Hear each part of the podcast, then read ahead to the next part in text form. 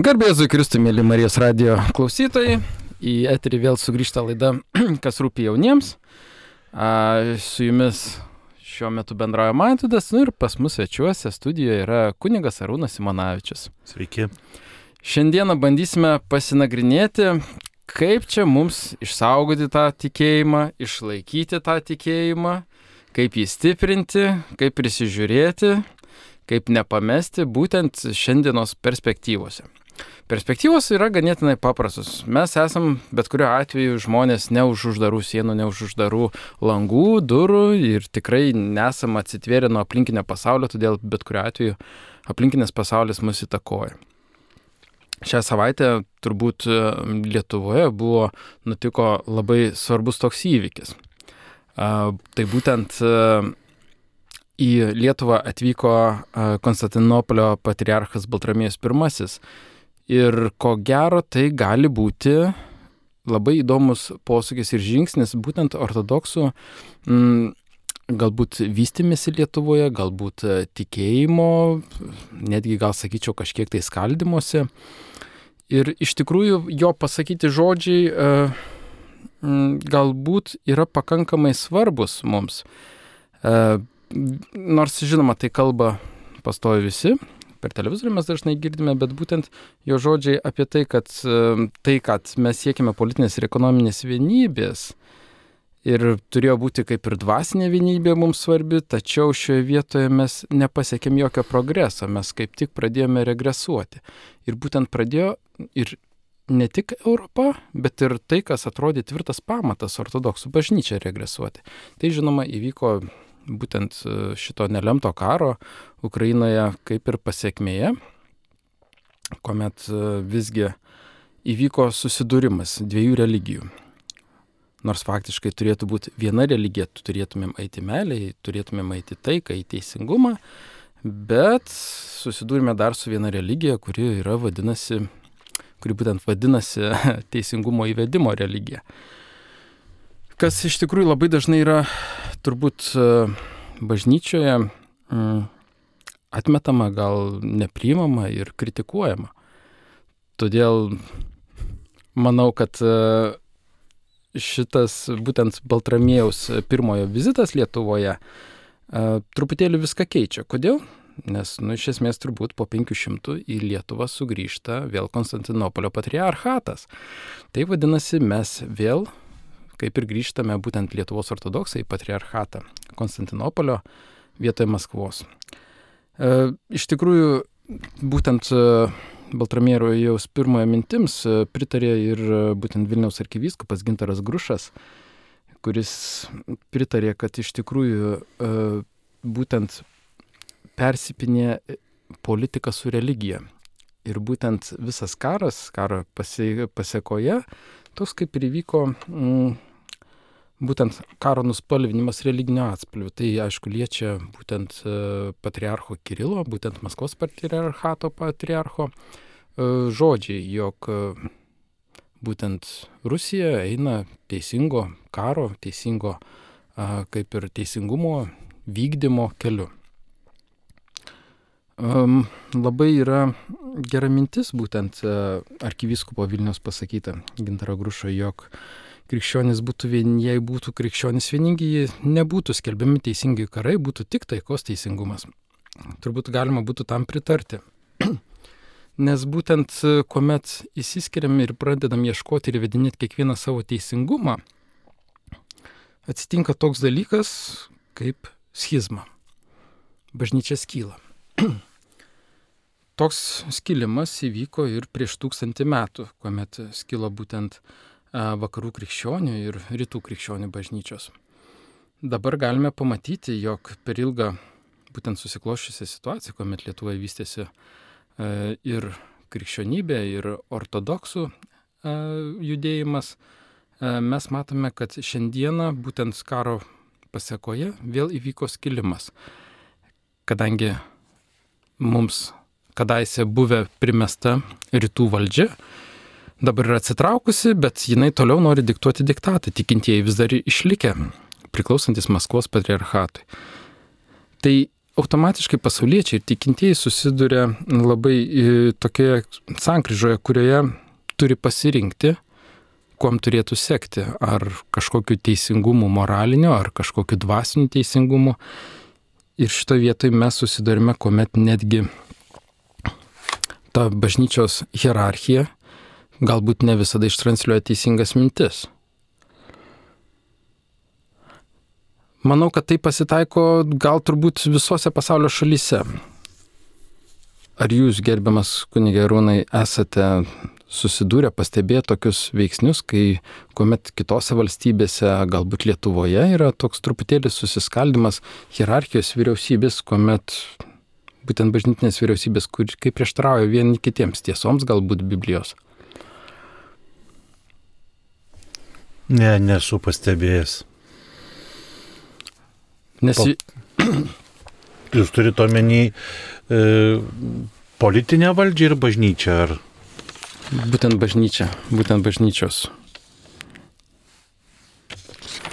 Nes iš tikrųjų ne, man, ne. man labai yra įdomus, e, būtent įdomi pozicija Maskvos patriarchato, kuomet e, būtent Vilniaus arkiviskupijos ortodoksų E, mintis, kuomet jie griežtai prieštarauja Konstantinopolio patriarcho, būtent šitų penkių dvasininkų atskirtųjų sugražinimui.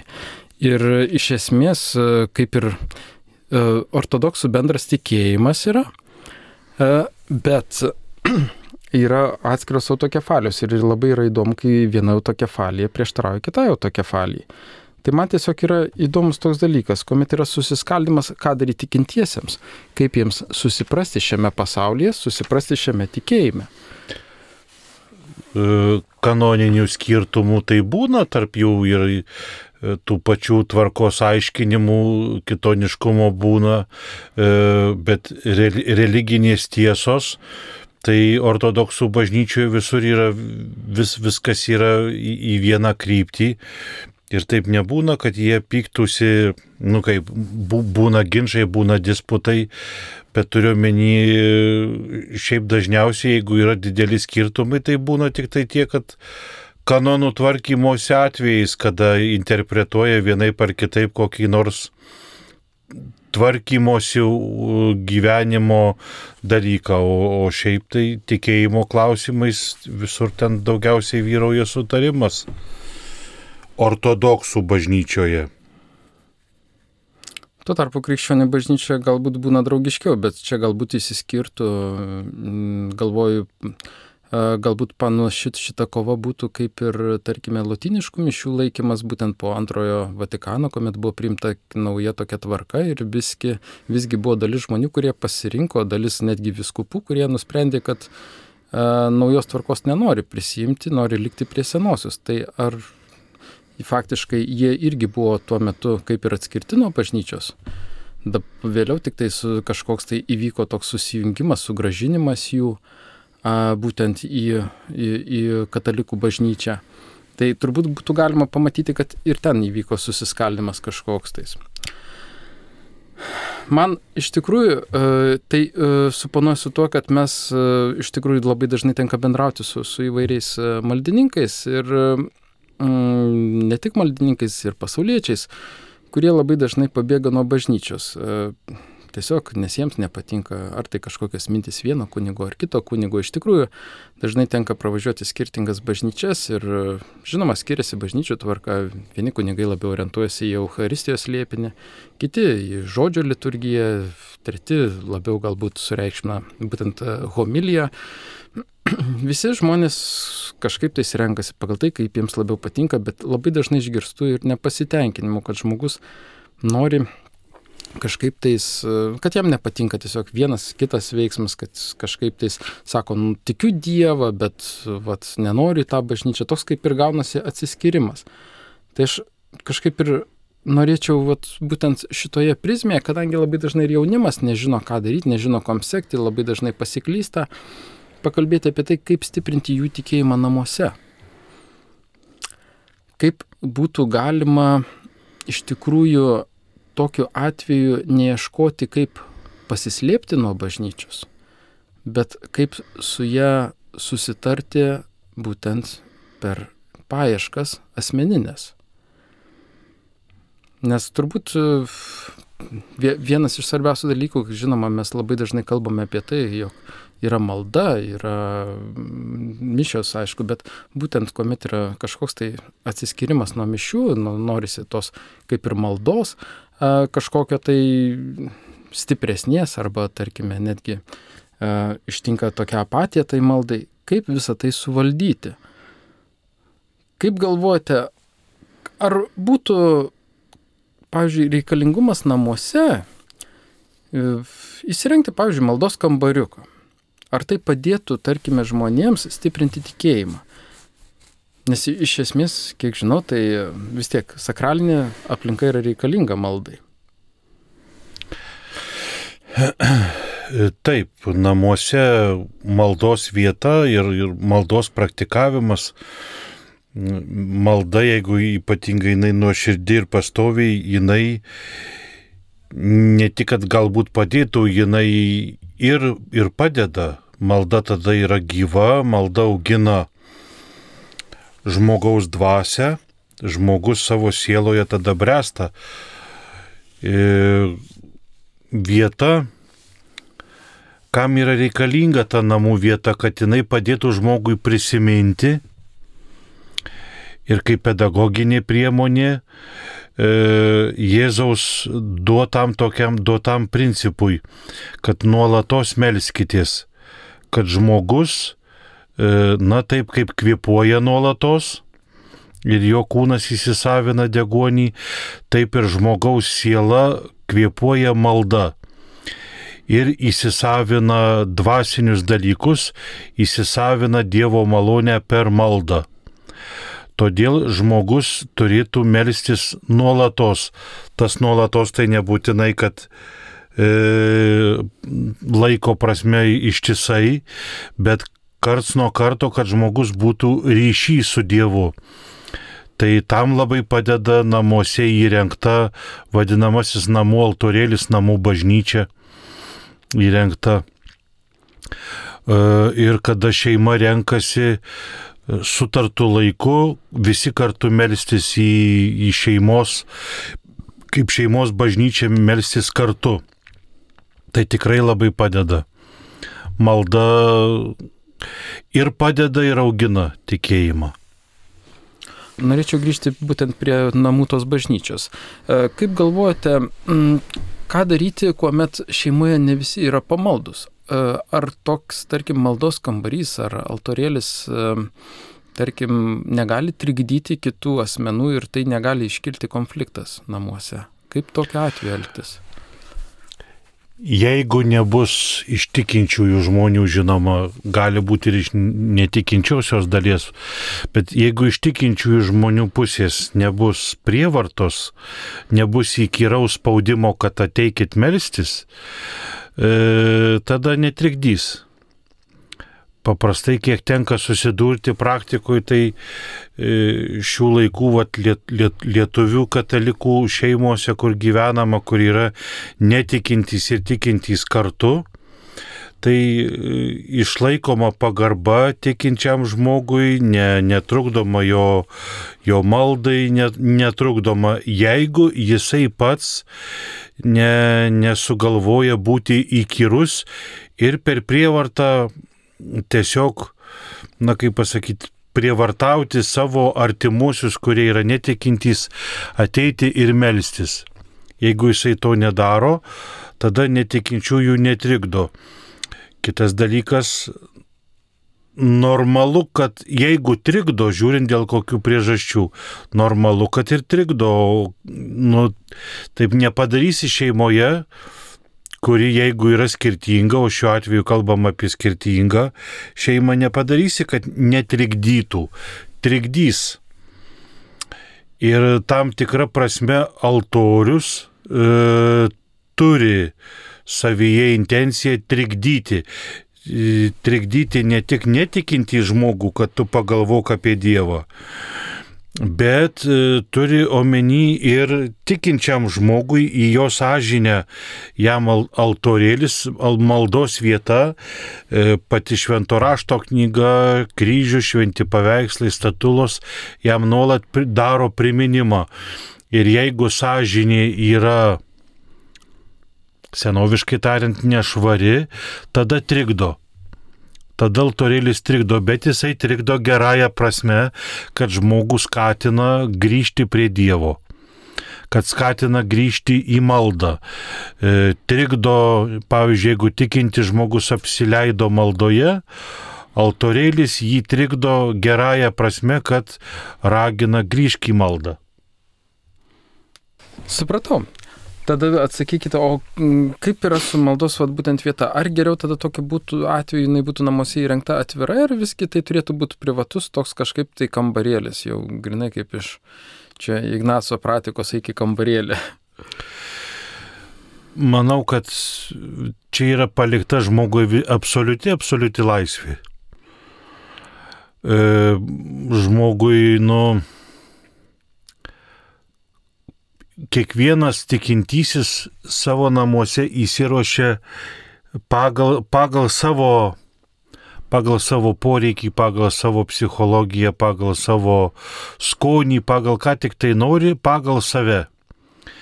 E, bažny, iš bažnyčios pusės yra toksai vat, pasiūlymas, kad yra labai naudinga turėti maldos vietą, maldos, bet ar tu turėsi visą maldos kambarį, ar tu turėsi maldos kampelį, tai čia jau yra grinai palikta žmogui. Visiškai pačiam nuspręsti, kaip jisai, kaip jisai darys.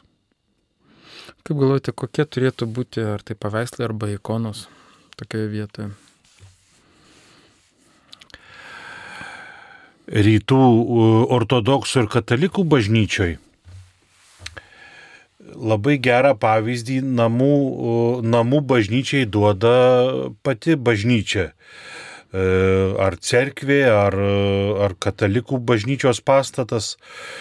E, žmogus yra toksai principas bažnyčioje galioja. E, yra liturgija, viešasis kultas vadinamas. Ir vien, vienas, viena iš pasiekmių yra, kad žmonės eina sekmadienį į mišes, dalyvauja liturgijoje, dalyvauja peigose. Iš bažnytinio gyvenimo jiems persikelia liturgijos tikslas yra pašventinti, sakralizuoti būtį.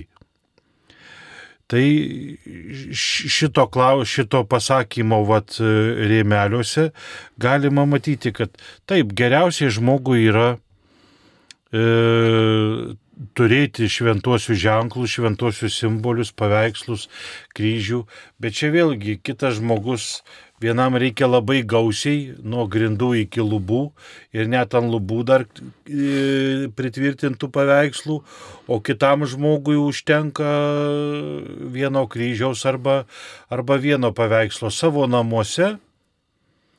Žmogus yra jam yra duota tik tai rekomendacinis dalykas, kad būtų gerai, kad tokią vietą turėtum, nes ta vieta šiaip nėra taip jau labai būtina, e, kai tu esi privačiai, tai tu gali melstis kaip, kaip tu nori, kaip tau, kaip tau patinka, kaip traukia širdis, kur tau lengviau susikaupti ir kreiptis į Dievą. O bažnyčioje tai jau tvarka yra kitokia, nes bažnyčios bendruomenė yra labai sudėtingas dalykas ir pagal vieną žmogų jau nepadarysi, reikia žiūrėti visos bendruomenė, bendruomenės dvasinės naudos.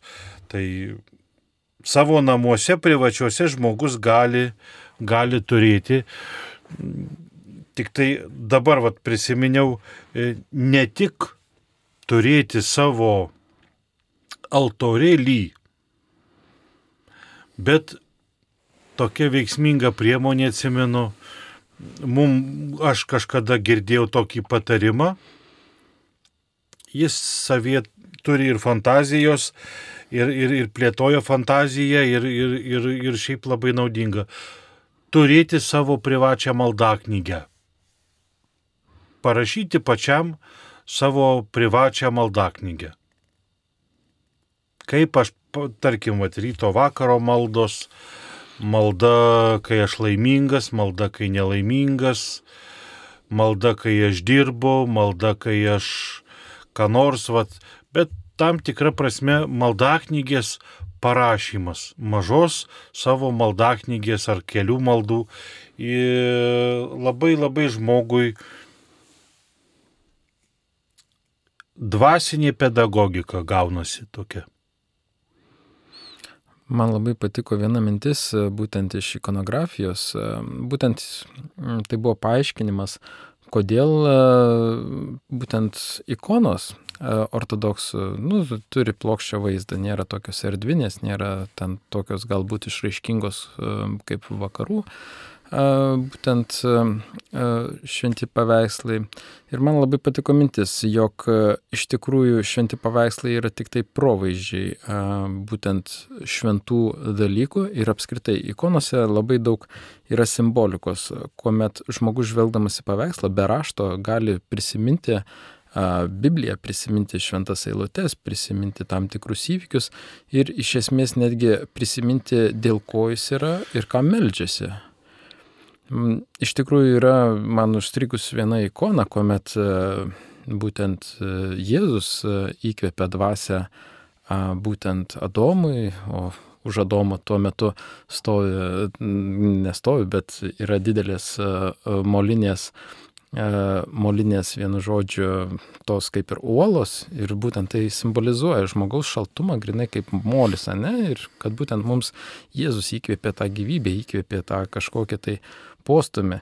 Ir būtent mane pradėjo žavėti iš tikrųjų ikonos tom, kad juose galima daug pamatyti simbolikos ir jos iš tikrųjų taip kaip galbūt kaip vakarų šventieji paveikslai nesureikšmina ten tokių galbūt vaizdinių detalių, to grožio detalių. Tai yra tarsi Biblija, tik tai jinai yra spalvota. Ar...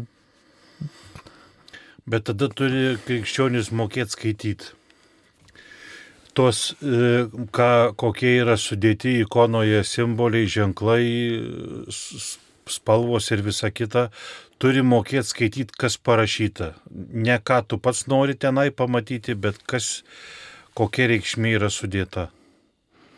Tikrai taip. Tai aš kiek žiūrėjau. Reikia mokytis taip, to rašto. Ikonografija yra labai sudėtingas dalykas ir iš tikrųjų atskirti ir, ir spalvas, ir kiekvieną elementą iš tikrųjų yra sudėtinga. Mes kaip tik ir turime mm, tokį klausimėlį. Žmogus klausia, ką daryti, jei ne mano tėvai, nei sesė su broliu nepraktikuoja katalikų tikėjimo. Jaučiu pareigą kaip nors palydėti artimuosius link Dievo. Ką galėčiau padaryti? Kas būtų galima padaryti tokiu atveju? Iš tikrųjų turiu labai gražių pavyzdžių, tikrai kur, kur vaikai atvedė tėvus ir močiutės į bažnyčią Ir vienintelis, ko gero, buvo kelias, bent jau tiek, kiek aš žinau, kiek aš esu matęs atveju, a, kuomet atvedė savo pavyzdžių. Tikrai a, tuo nuoširdžiu įėjimu į bažnyčią, rūpinimuose įvairia veikla, būtent a, prisijungimu prie bažnyčios bendruomenės, prie parapijos bendruomenės, a, kuomet prisijungė ir į chorus, ir tiesiog nuolatinė veikla vienai per kitaip atvedė tuos žmonės paskui. Jie visgi norėjo pasižiūrėti, kas vyksta ir aš labai džiaugiuosi, kuomet išgirstu, kad po šiai dienai netgi lygiai taip pat atsirado bendra malda namuose. Tuose, kur vienintelis vaikas tiesiog netyčia susidomėjo bažnyčia ir jis visą šeimą atvedė į bažnyčią. Ką jūs galėtumėt patarti? Man galvon ateina paprasta sena e, krikščioniška mintis, kad gyvenk pats krikščioniškai ir aplinkui tave kiti atsivers į krikščionybę. O viskas, ką tu, nu, be, be to, kas pasakyta, ką tu gali daryti, tai gali tik tai melstis už jų atsivertimą. Jeigu tu juos imsi už karšienės ir pradėsi aiškiai jiems papurtydamas tikybos e, gerumą ir naudą, tai nieko nesigaus. Iš tikrųjų, taip, tikėjimas. Bus tik blogiau. Taip, tikėjimas yra toks dalykas, kad per prievartą nesukiši. Gali, taip sakant, saldainį sukišti, gali telefoną į rankas įkišti, bet čia jau tikėjimo tai neįkiši. Jeigu jau žmogus nenori, tai į niekap. Tai galiu pasakyti, iš tikrųjų yra ir, ir šeimų, ir pats pažįstu, kuomet e, labai dažnai būna, jog tėvai būna religingi labai, Tačiau vaikai kaip tik bėga nuo bažnyčios. Mm, pas mus taip labai dažnai yra įprasta, kad draugiškesnis, nu, tarkim, kad ir vaikas tėvui, ne, būna tas, kuris yra toli ir jį mato rečiau negu tas, kurį mato kasdieną. Tai čia netgi lietuvių liaudės tautosakose kūriniuose yra aprašoma šita situacija, kuomet iš tikrųjų tai, kas yra arti, kai kuriems atsibosta, kai kuriems pasidaro neįdomu ir netgi sukelia atmetimo reakciją. Todėl yra, ne, ne, netgi aš pagalvoju, kad yra geriausia tokiu atveju tiesiog e, eiti savo keliu, nežvelgti į kitus, eiti savo keliu, rodyti puikų pavyzdį. Ta pavyzdį, kurio galima sekti. Turime dar vieną žinutę, papildančią mūsų laidą. Tai garbėzui Kristui, namuose reikia maldos vietos. Tik nereiškia, kad nereikės lankyti bažnyčių. E, tai tik nereiškia, kad nereikės lankyti bažnyčių su tą mintim, kad e, taip, kad negalima apleisti mišių, būtina jos eiti. Tai kiek žinau, prievalė eiti į parapijos bažnyčią, berot su krikštu atsiranda, ar ne? Taip, krikščionims taip krikščionims e, ir būtent dalyvauti kiekvienose sumos mišiuose, jei gerai pamenu. Su Dievo paieškomis atsiranda, kai žmogus pradeda domėtis, tada ir pradeda eiti į bažnyčią. O čia ką, ką žmogus rašo žinutė, tai belieka atsakyti. Taip, taip. Mes pritarėme, nesiginčiame netruputėlio. Mišios yra labai svarbios, Euharistijos liepinys yra ypatingai svarbus, kurio būtent negalima atlikti namuose. Tik tai Pranciškus Salezas įspėja e, žmonės, e, kad, na, kartais negalima, negalima piktnaudžiauti nam, na, ir religiniais dalykais, jeigu negali pakeisti tam tikro namų bendravimo, namų santykių namuose e, maldomis, jeigu nežinai, ką daryti, kaip elgtis, tai turi, turi būti ir kitos namų pareigos. Ir, ir namų tvarkymasis, ir, ir bendravimas, ir, ir, ir, ir gražus santykis, negali viską sukrauti, prisidengti pamaldomis, e, tarkim, atsitiko konfliktas, susipykai ir nežinai, kaip taikytis, tai tada visus vertė eiti melstis kartu, kad per maldą kas nors atsitiktų arba pridengt, e, pridengt, kad ne pas mus viskas gerai. Nu, turiu omeny, kad piknaudžiaut arba sugalvot, kad prisidengt maldomis gali būti labai žalinga, negalima to daryti. Nes yra žmonių, kurie vietoj to, kad eitų ir padarytų ką nors savo artimui, tai geriau eina į bažnyčią ir sėdi bažnyčiui. Čia būtent kaip ir Biblijoje, kaip ir Jėzus yra pasakęs, kad didžiausia yra nuodėmė nekesti brolių kad būtent reikia juos mylėti, pirmiausia rūpintis jais. Ir iš tikrųjų mes mišiomis bažnyčia privalome rūpintis tikėjimu, privalome, mes turime jį skatinti, tobulinti tikėjimą, būtent gavienėtas laikas, kuomet mes galime pasiruošti didžiausiai, svarbiausiai Kristus prisikėlimo šventijai. Ir iš, iš tikrųjų, e, kai patenki į, pavyzdžiui, parapijos aktyvą, labai dažnai kyla pagunda, nu, užsimti kuo didesnę veiklą. Tai norisi, tai žiūrėk, čia choras tave kviečia, čia žiūrėk, reikia į rekolekcijas, čia reikia padėti organizuoti katechezę kokią nors ar dar kažkur. Ir taip atrodo, tau atsiveria duris ir tu nori visur šok, šok, šok. Ir daug kas pakliūna į tą pagundą, kad visur turi būti, visur turi padėti. Nu, nes elementaru, tu gali padėti, tu turi gabumų, tau visi ir siūlys tai. Bet būtent yra tas ta vieta, kuomet tu privalai pasirūpinti ir namų. Bažnyčia tai savo namais turi pasirūpinti, turi pasirūpinti savo šeimą, kokio amžiaus tu bebūtum, kas tavo šeimoje toje bebūtų, tu turi prie jų prisijungti, tu turi juos vis tiek mylėti ir savo darbu, savo būtimi, savo egzistavimu, nes lygiai taip pat, nu, vaistus reikia paduoti, valgyti kartais reikia padaryti, reikia namus įsišluoti, nes lygiai taip pat, tarkime, nu, negali, šlavi, tarkim, namų valymo perkelti ant kažkurio iš giminaičių vien dėl to, kad tu nori nueiti kažkokią veiklą. Aš dar noriu grįžti prie apie naudą namų bažnyčios pamaldų. Svarbu tik tai atkreipti dėmesį, kad reikia labai protingai paskaičiuoti laiką pamaldų. Jeigu namuose yra melžiamasi, vyra, žmona, pora vaikų, tai ne, laikas turi turėti proto ribas. Pamaldos kaip turi pradžią, taip jos turi turėti ir pabaigą, negali tęstis tiek, kiek užsimano žmona arba tiek, kiek užsimano vyras. Reikia turėti omeny, kad e, ir pavargę būna ir visa kita, ir paskaičiuoti laiką reikia taip, kad būtų ne per daug, kad būtų, kad būtų pasimelsta tvarkingai ir, ir kad būtų ne per daug, kad tai nepasidarytų ir zlu.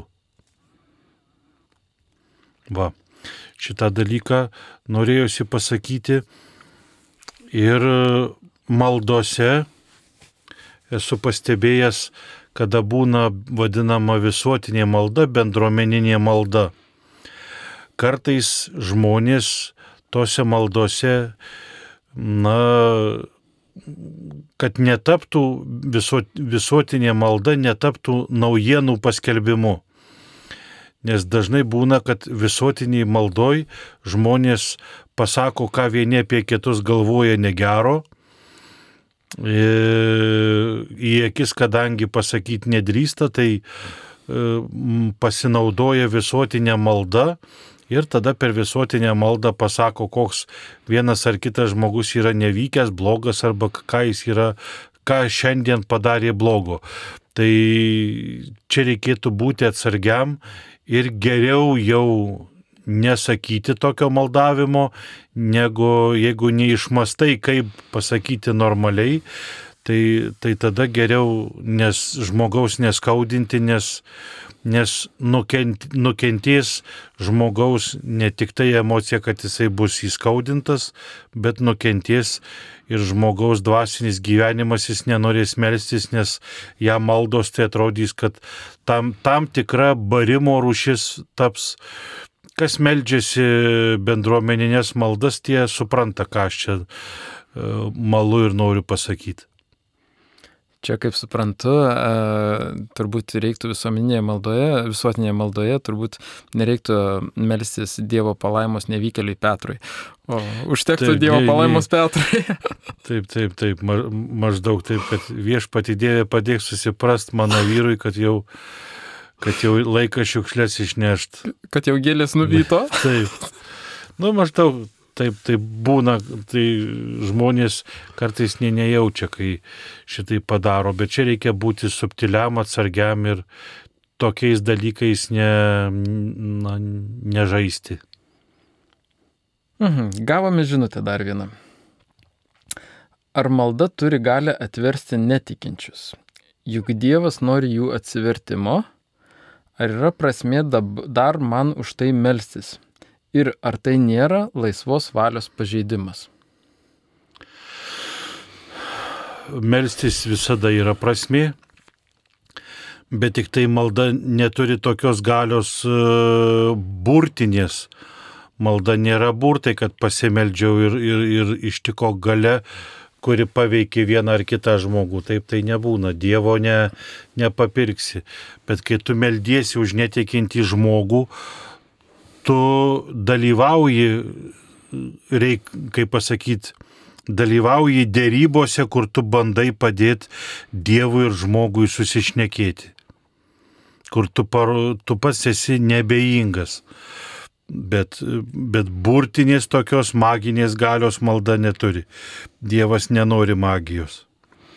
Dievas turbūt nori, kad mes e, eitumėm jo keliu, eitumėm į tą jau ateitį, kurios kelyje mes esame, į kurias mums e, Kristus būtent su prisikėlimu atvėrė duris. Ir e, turbūt netgi sakyčiau, kad tai nėra laisvos valios pažeidimas, kadangi kaip ir mes tikinti žmonės, prašome Dievo, kad jis leistų susiprasti, apšviestų tos žmonės, kurie galėtų ateiti tą amžinybę. Tai... Aš grįžtant prie apie šeim, maldą šeimoje, e, labai kur stiprina tikėjimą, kur, kur padeda, pavyzdžiui, labai naudinga, kad kai meldžiasi vat, šeima, kad vieną, vieną kartą šei, šeimoj mal, maldą vestų tėtė, kitą kartą mama, kitą kartą vaikas, kitą kartą brolis, kitą kartą sesė, kitą kartą visi kiti. Jeigu kada dalyvauja, e, pavyzdžiui, močiutė atėjo į svečius, kad močiutė vestų, kad, kad šitas vadovo, vadovo tarnystė suktųsi tarp visų šeimos narių, kad, kad nebūtų, e, na, pastoviai vieno ar dviejų žmonių iniciatyva, kad kaip žmogus praveda maldą taip, bet jisai ją pasiruošia ir praveda. Tai yra labai, labai labai naudingas dalykas. Seminarijoje praeitas, tai už tai galiu pasakyti, kad naudingas. Kas dar turėtų būti ant altorėlio be ikonų, tarkim, šventų paveikslų? Turbūt kryželis turėtų būti pirmiausia turėtų būti tvarka. Ta prasme, švara, grožis, tvarka. Žinot, netkreipia dėmesio kartais, bet e, labai gražu, kad ant altorėlio yra gėlė. Mm, jinai turi savo krikščionišką prasme gėlyties ir jos jos Dievo garbinimui, žmogaus estetikai e, vystyti ir ne tik estetikai, ir, ir žmogaus maldai, jos taip pat prisideda savo maloniu kvapu, savo gražiu vaizdu. Plus tai, kad gėlė yra dorybės simbolis. Tai gėlytė irgi be kryželio, be, be ikonos, be, be šventų paveikslų ir žvakių, gėlytė irgi labai naudingas, kaip čia pasakyti, komponentas, ne? Priedas. Inkliuzas. Inkliuzas. Inkliuzas labai gražus inkliuzėlis, nes taip tai yra dorybės, dorybės simbolis. Dorybė tai yra įprotis daryti ką nors gerą maldos darybė, pavyzdžiui? Turbūt pats svarbiausias e, nepamiršti, kad e, altorėlis tai e, nėra ta vieta, kuriai reikia melstis, kad mes melžiamės Dievuliui. Ir kad visi tie elementai, visi daiktai, kas būtent bus vietoje altorėlio arba ant altorėlio, iš esmės turėtų tik tai priminti, ko mes čia atėjome būtent e, ir kalbant apie šventus paveikslus, e, turime melsis turbūt ne paveikslą, o būtent e, tam, tam, kas pavaizduotas paveikslė, arba per jį prašyti maldos. Mm, labai yra įprasta, būtent, aišku, žinoma, cerkvėse, ikonostasuose būna labai daug šventųjų pavaizduota, būna ir kitose bažnyčiose. Labai dažnai žmonės mėgsta mm, pasistatyti ir kartais sulaukia netgi pagalbos, melžiant iš šventųjų užtarimo. Ar pasitaikė kokį, kokius nors, kokie dažniausiai paveikslai būna, kokie dažniausiai šventieji, ar jūs pastebėjote? Kokie, pavyzdžiui, Lietuvoje dažniausiai šventieji yra minimi? Nu, žinoma, Kazimieras.